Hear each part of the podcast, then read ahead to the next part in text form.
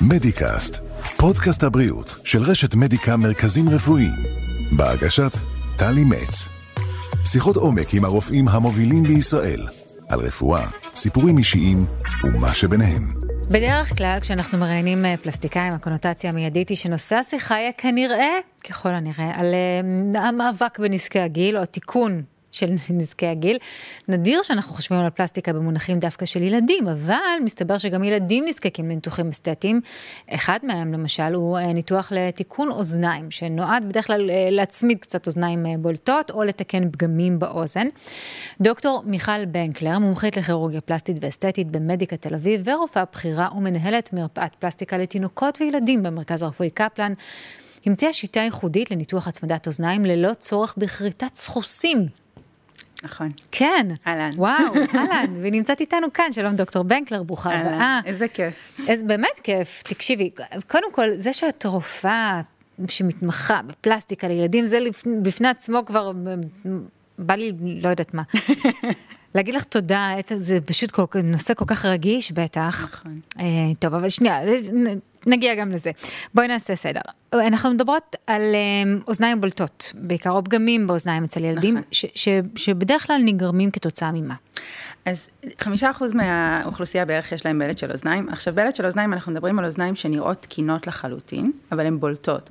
יש כמובן כל מיני עיוותים שונים באוזניים, אה, עד אה, אנוטיה, שזה היעדר של אוזן, או מיקרוטיה, שזה ממש אוזן קטנה ומעוותת, אבל אנחנו מדברים על בלט של אוזניים בלבד, שזה בערך חמישה אחוז מהאוכלוסייה. כשאת אומרת אוזן שנראית תקינה, זאת אומרת, האוזן היא, היא קיימת בשלמותה, נכון. בצורתה הנכונה והטובה, רק שהיא ה... בולטת. כל החלקים של האוזן אה, קיימים ותקינים, היא פשוט... פשוט אה, מרוחקת מהבסיס גולגולת או מהגולגולת יתר על המידה, ויש לזה קריטריונים שאפשר לבדוק ו- ולמדוד.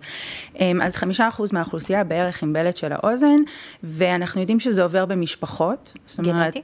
אה, יש כאילו גנים שמעורבים, אבל אנחנו לא יודעים ל...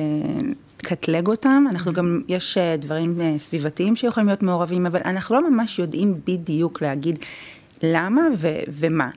אמ, אבל זה כן מופיע במשפחות, כאשר בעצם אה, יש שלושה גורמים אה, עיקריים לבלט של האוזן, שאנחנו נדבר לפי השכיחות, אז המספר אחד או הכי שכיח זה היעדר של כפל אנטי הליקס, זה הקיפול הזה שאנחנו רואים באוזן שבעצם נותן את הזווית הנכונה, ולמי שאין את הכפל הזה של האנטי הליקס, האוזן אה, מרוחקת מבסיס הגולגולת ובולטת, זה רוב המקרים.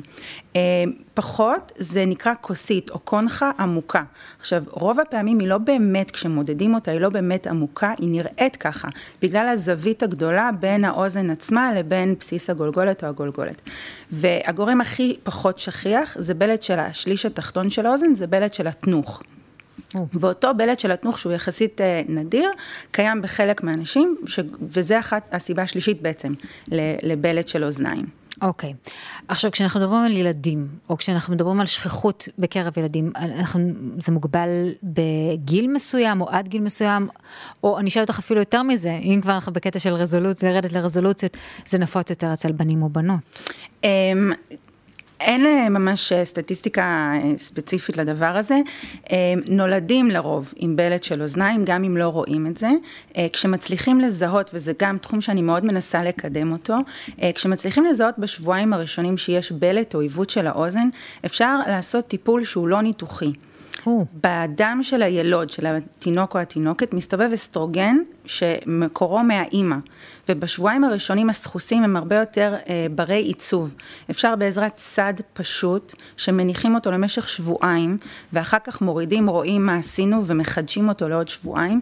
אפשר הרבה מאוד פעמים לתקן את העיוות או הבלט של האוזן ולחסוך לילד ניתוח בגיל יותר מבוגר. אבל אפשר לזהות בכזה, את יודעת, ממש מגיל אה, אפס, מה שנקרא? אז אני מאוד מנסה לקדם את זה, ואני מבקשת גם מאימהות לילדים ש, שעוברים את הסדים לקדם את זה. אה, אפשר כבר בבית החולים הרבה מאוד פעמים לזהות עיוות או בלט של האוזן, ו, וממש לעשות טיפול מונע.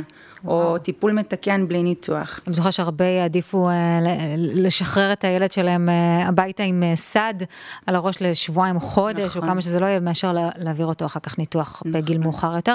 תכף נדבר גם על זה, אבל בואי באמת נדבר על הטיפולים המקובלים. אני מניחה שיש או לפחות אני מקווה שיש ניתוחים אה, לא כירורגיים שאפשר לעשות, או לפחות לנסות אותם לפני שמגיעים לניתוח. אז זה הדבר היחיד ש, שבעצם אפשר רק לעשות. רק הסד. כן, רק הסד בגיל שבועיים. ואז אה, מגיל 6 אפשר לעשות התערבות כירורגית. למה גיל 6? כי בגיל 6 האוזן מגיעה ל-90 אחוז 95% מהגודל הסופי שלה, mm. ואז כבר אפשר לעשות את הניתוח. זו נקודה חשובה. זאת אומרת, צריך לדעת שאם מפספסים את חלון ההזדמנויות הזה בשבועיים הראשונים לחייו של הילד, הם יצטרכו ההורים לחכות עד גיל 6. נכון, למרות שעד גיל 6 או עד כניסה לכיתה א', אין כל כך... אה, נקרא לזה מודעות חברתית, זאת אומרת, ילדים לא מציקים לילדים. עוד שנגיד את זה עם כוכבית, אנחנו, זה, את יודעת, הולך ופוחת הדור. נכון, אבל הרבה מחקרים נעשו שבעצם עד גיל 6 או עד כניסה לכיתה א', זה ברמות הרבה הרבה יותר נמוכות. ואז אני באמת סביב, אה, לא יודעת, פסח או, או אה, חופשת הקיץ, mm-hmm. עושה המון המון המון ניתוחי הצמדות אוזניים אה, יחסית לשאר השנה, כי כולם מתכוננים לכיתה א'. אה, בדיוק, רוצים לבוא, רוצים לבוא, כמו שצריך. אבל רגע, כשאת אומרת את זה, אני, אני, זה מעורר אצלי נקודה למחשבה, מדובר אך ורק בבעיה אסתטית? אה, לרוב, לרוב, לרוב, זה, אה, אני לא רואה את זה בתור עניין אסתטי, זאת אומרת, בעיניי זה, זה לא רוצה לקרוא לזה מום מולד, אבל זה, זה אה, מצב מולד שלחלוטין אה, מקנה לילד את הזכות לעבור את הניתוח הזה, זה לא, אני לא רואה את זה בתור משהו אסתטי, אני חושבת שזה כאילו... אבל לא, אז אני אנסח אולי אחרת, לא מדובר כאן בבעיה בריאותית, זאת אומרת, לא. זה לא משהו שעלול לסכן את שמיעתו, לא. או כל דבר אחר של הילד. זה חיצוני, mm-hmm. אבל אני חושבת שכל מי שמעוניין, מגיע לו אה, לעשות את ה... כן, ושבוא נדע על האמת, ושלא יצחקו עליו גם בבית הספר, זה לא נעים, ואם אפשר להימנע מזה, אז אני מניחה שיעדיפו. בוא נדבר על הניתוח עצמו. אז uh, אני כבר המון שנים מנתחת, ולמדתי שיטות uh, יותר קלאסיות גם בארץ, uh, וגם uh, טסתי לפני uh, חמש שנים לשנה של uh, השתלמות או התמחות על בפלסטיקה של תינוקות וילדים בבית חולים לילדים בדאלאס בארצות הברית, ולמדתי את השיטות הקלאסיות להצמדת אוזניים, שכוללות uh, חיתוך של הסחוס, שיוף של הסחוס, uh, לתפרים, מכל מיני סוגים, ובעצם אה, מה שלי הפריע לאורך כל התקופה הזאת, זה שכשאתה עושה כריתה או שיוף של הסחוס, השינוי שאתה מייצר באוזן הוא א', קבוע. זאת אומרת, לא בר, אה, אין, אין לחזור אחורה, כן. וגם הוא אה, לפעמים יוצר תוצאות לא צפויות, עיוותים או, או שיבושים אה, לא צפויים בצורה של, ה, של האוזן, ו, ולי זה מאוד הפריע תמיד, תוך כדי הניתוח וגם אחר כך. בטח. וככה כשחזרתי לארץ מארצות הברית, אה, מצאתי את עצמי מחפשת פתרונות לזה, והגעתי לאיזושהי, לאיזשהו ניתוח שאני המצאתי אותו, שאפשר בלי לכרות בכלל סחוסים, בלי לשייף אותם, בלי, בלי ליצור עיוותים, אה, לעשות הצמדה מאוד יפה של האוזן, אה, שהיא הרמונית, זאת אומרת מלמעלה עד למטה, אה, לא רק בשליש העליון או בחצי העליון, שהיא נותנת צורה מאוד טבעית, ו, וזה גם הפיך. זאת אומרת, לא יצא לי מצב שמישהו בא ואמר, זה לא מוצא חן בעיניי, תפתחי, אבל... אני מקווה אה, בשבילך שלא תצטרכי לא, לא, זה, זה כבר הרבה שנים. לפחות אה, ארבע שנים שאני עושה את הניתוח הזה בלבד, אה, ואף אחד לא בא, אבל תמיד אתה יכול להרגיע אותם מראש, אם הם אומרים, אם, זה לא, אם אני לא אוהב את זה, אז, זה לגמרי הפיך, וזה, גם משהו ש... אז רגע, אז אם לא, לא בעצם, הסחוסים לא... אז מה עושים? סליחה שאני... תסבירי לי רגע. אז קודם כל, החתך הוא מאחורי האוזן בלבד. ואז הצלקת נמצאת רק בכפל מאחורי האוזן שאף אחד לא מסתכל שם. אה, מרימים את האור, חושפים את הסחוסים, ובעזרת תפרים מאוד מיוחדים אני מעצבת את הצורה שאני רוצה שתהיה לאוזן, וגם את רמת ההצמדה שלה ל, אה, לראש. אה, זה יוצא לא מעט תפרים שהם תפרים קבועים.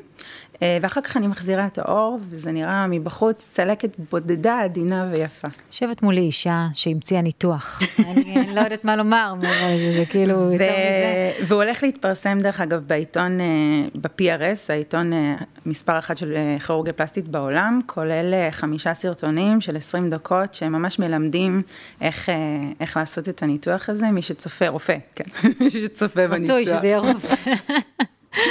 אל תנסו את זה בבית, מה שנקרא. תגידי, אמ, קודם כל, כל הכבוד לך, זה מעורר התפעלות, אני לא יודעת באיזה קומפלימנטים להשתמש כדי להבהיר עד כמה, אני מניחה שקצרה היריעה במקרה שלך. אמ, פלסטיקה של ילדים, ככה שאני שואלת אותך שאלה קצת יותר אישית אה, לקראת הסיום של החלק שלנו, פלסטיקה של ילדים, אני מניחה שזה גם דבר, אה, בגלל, בגלל הרגישות.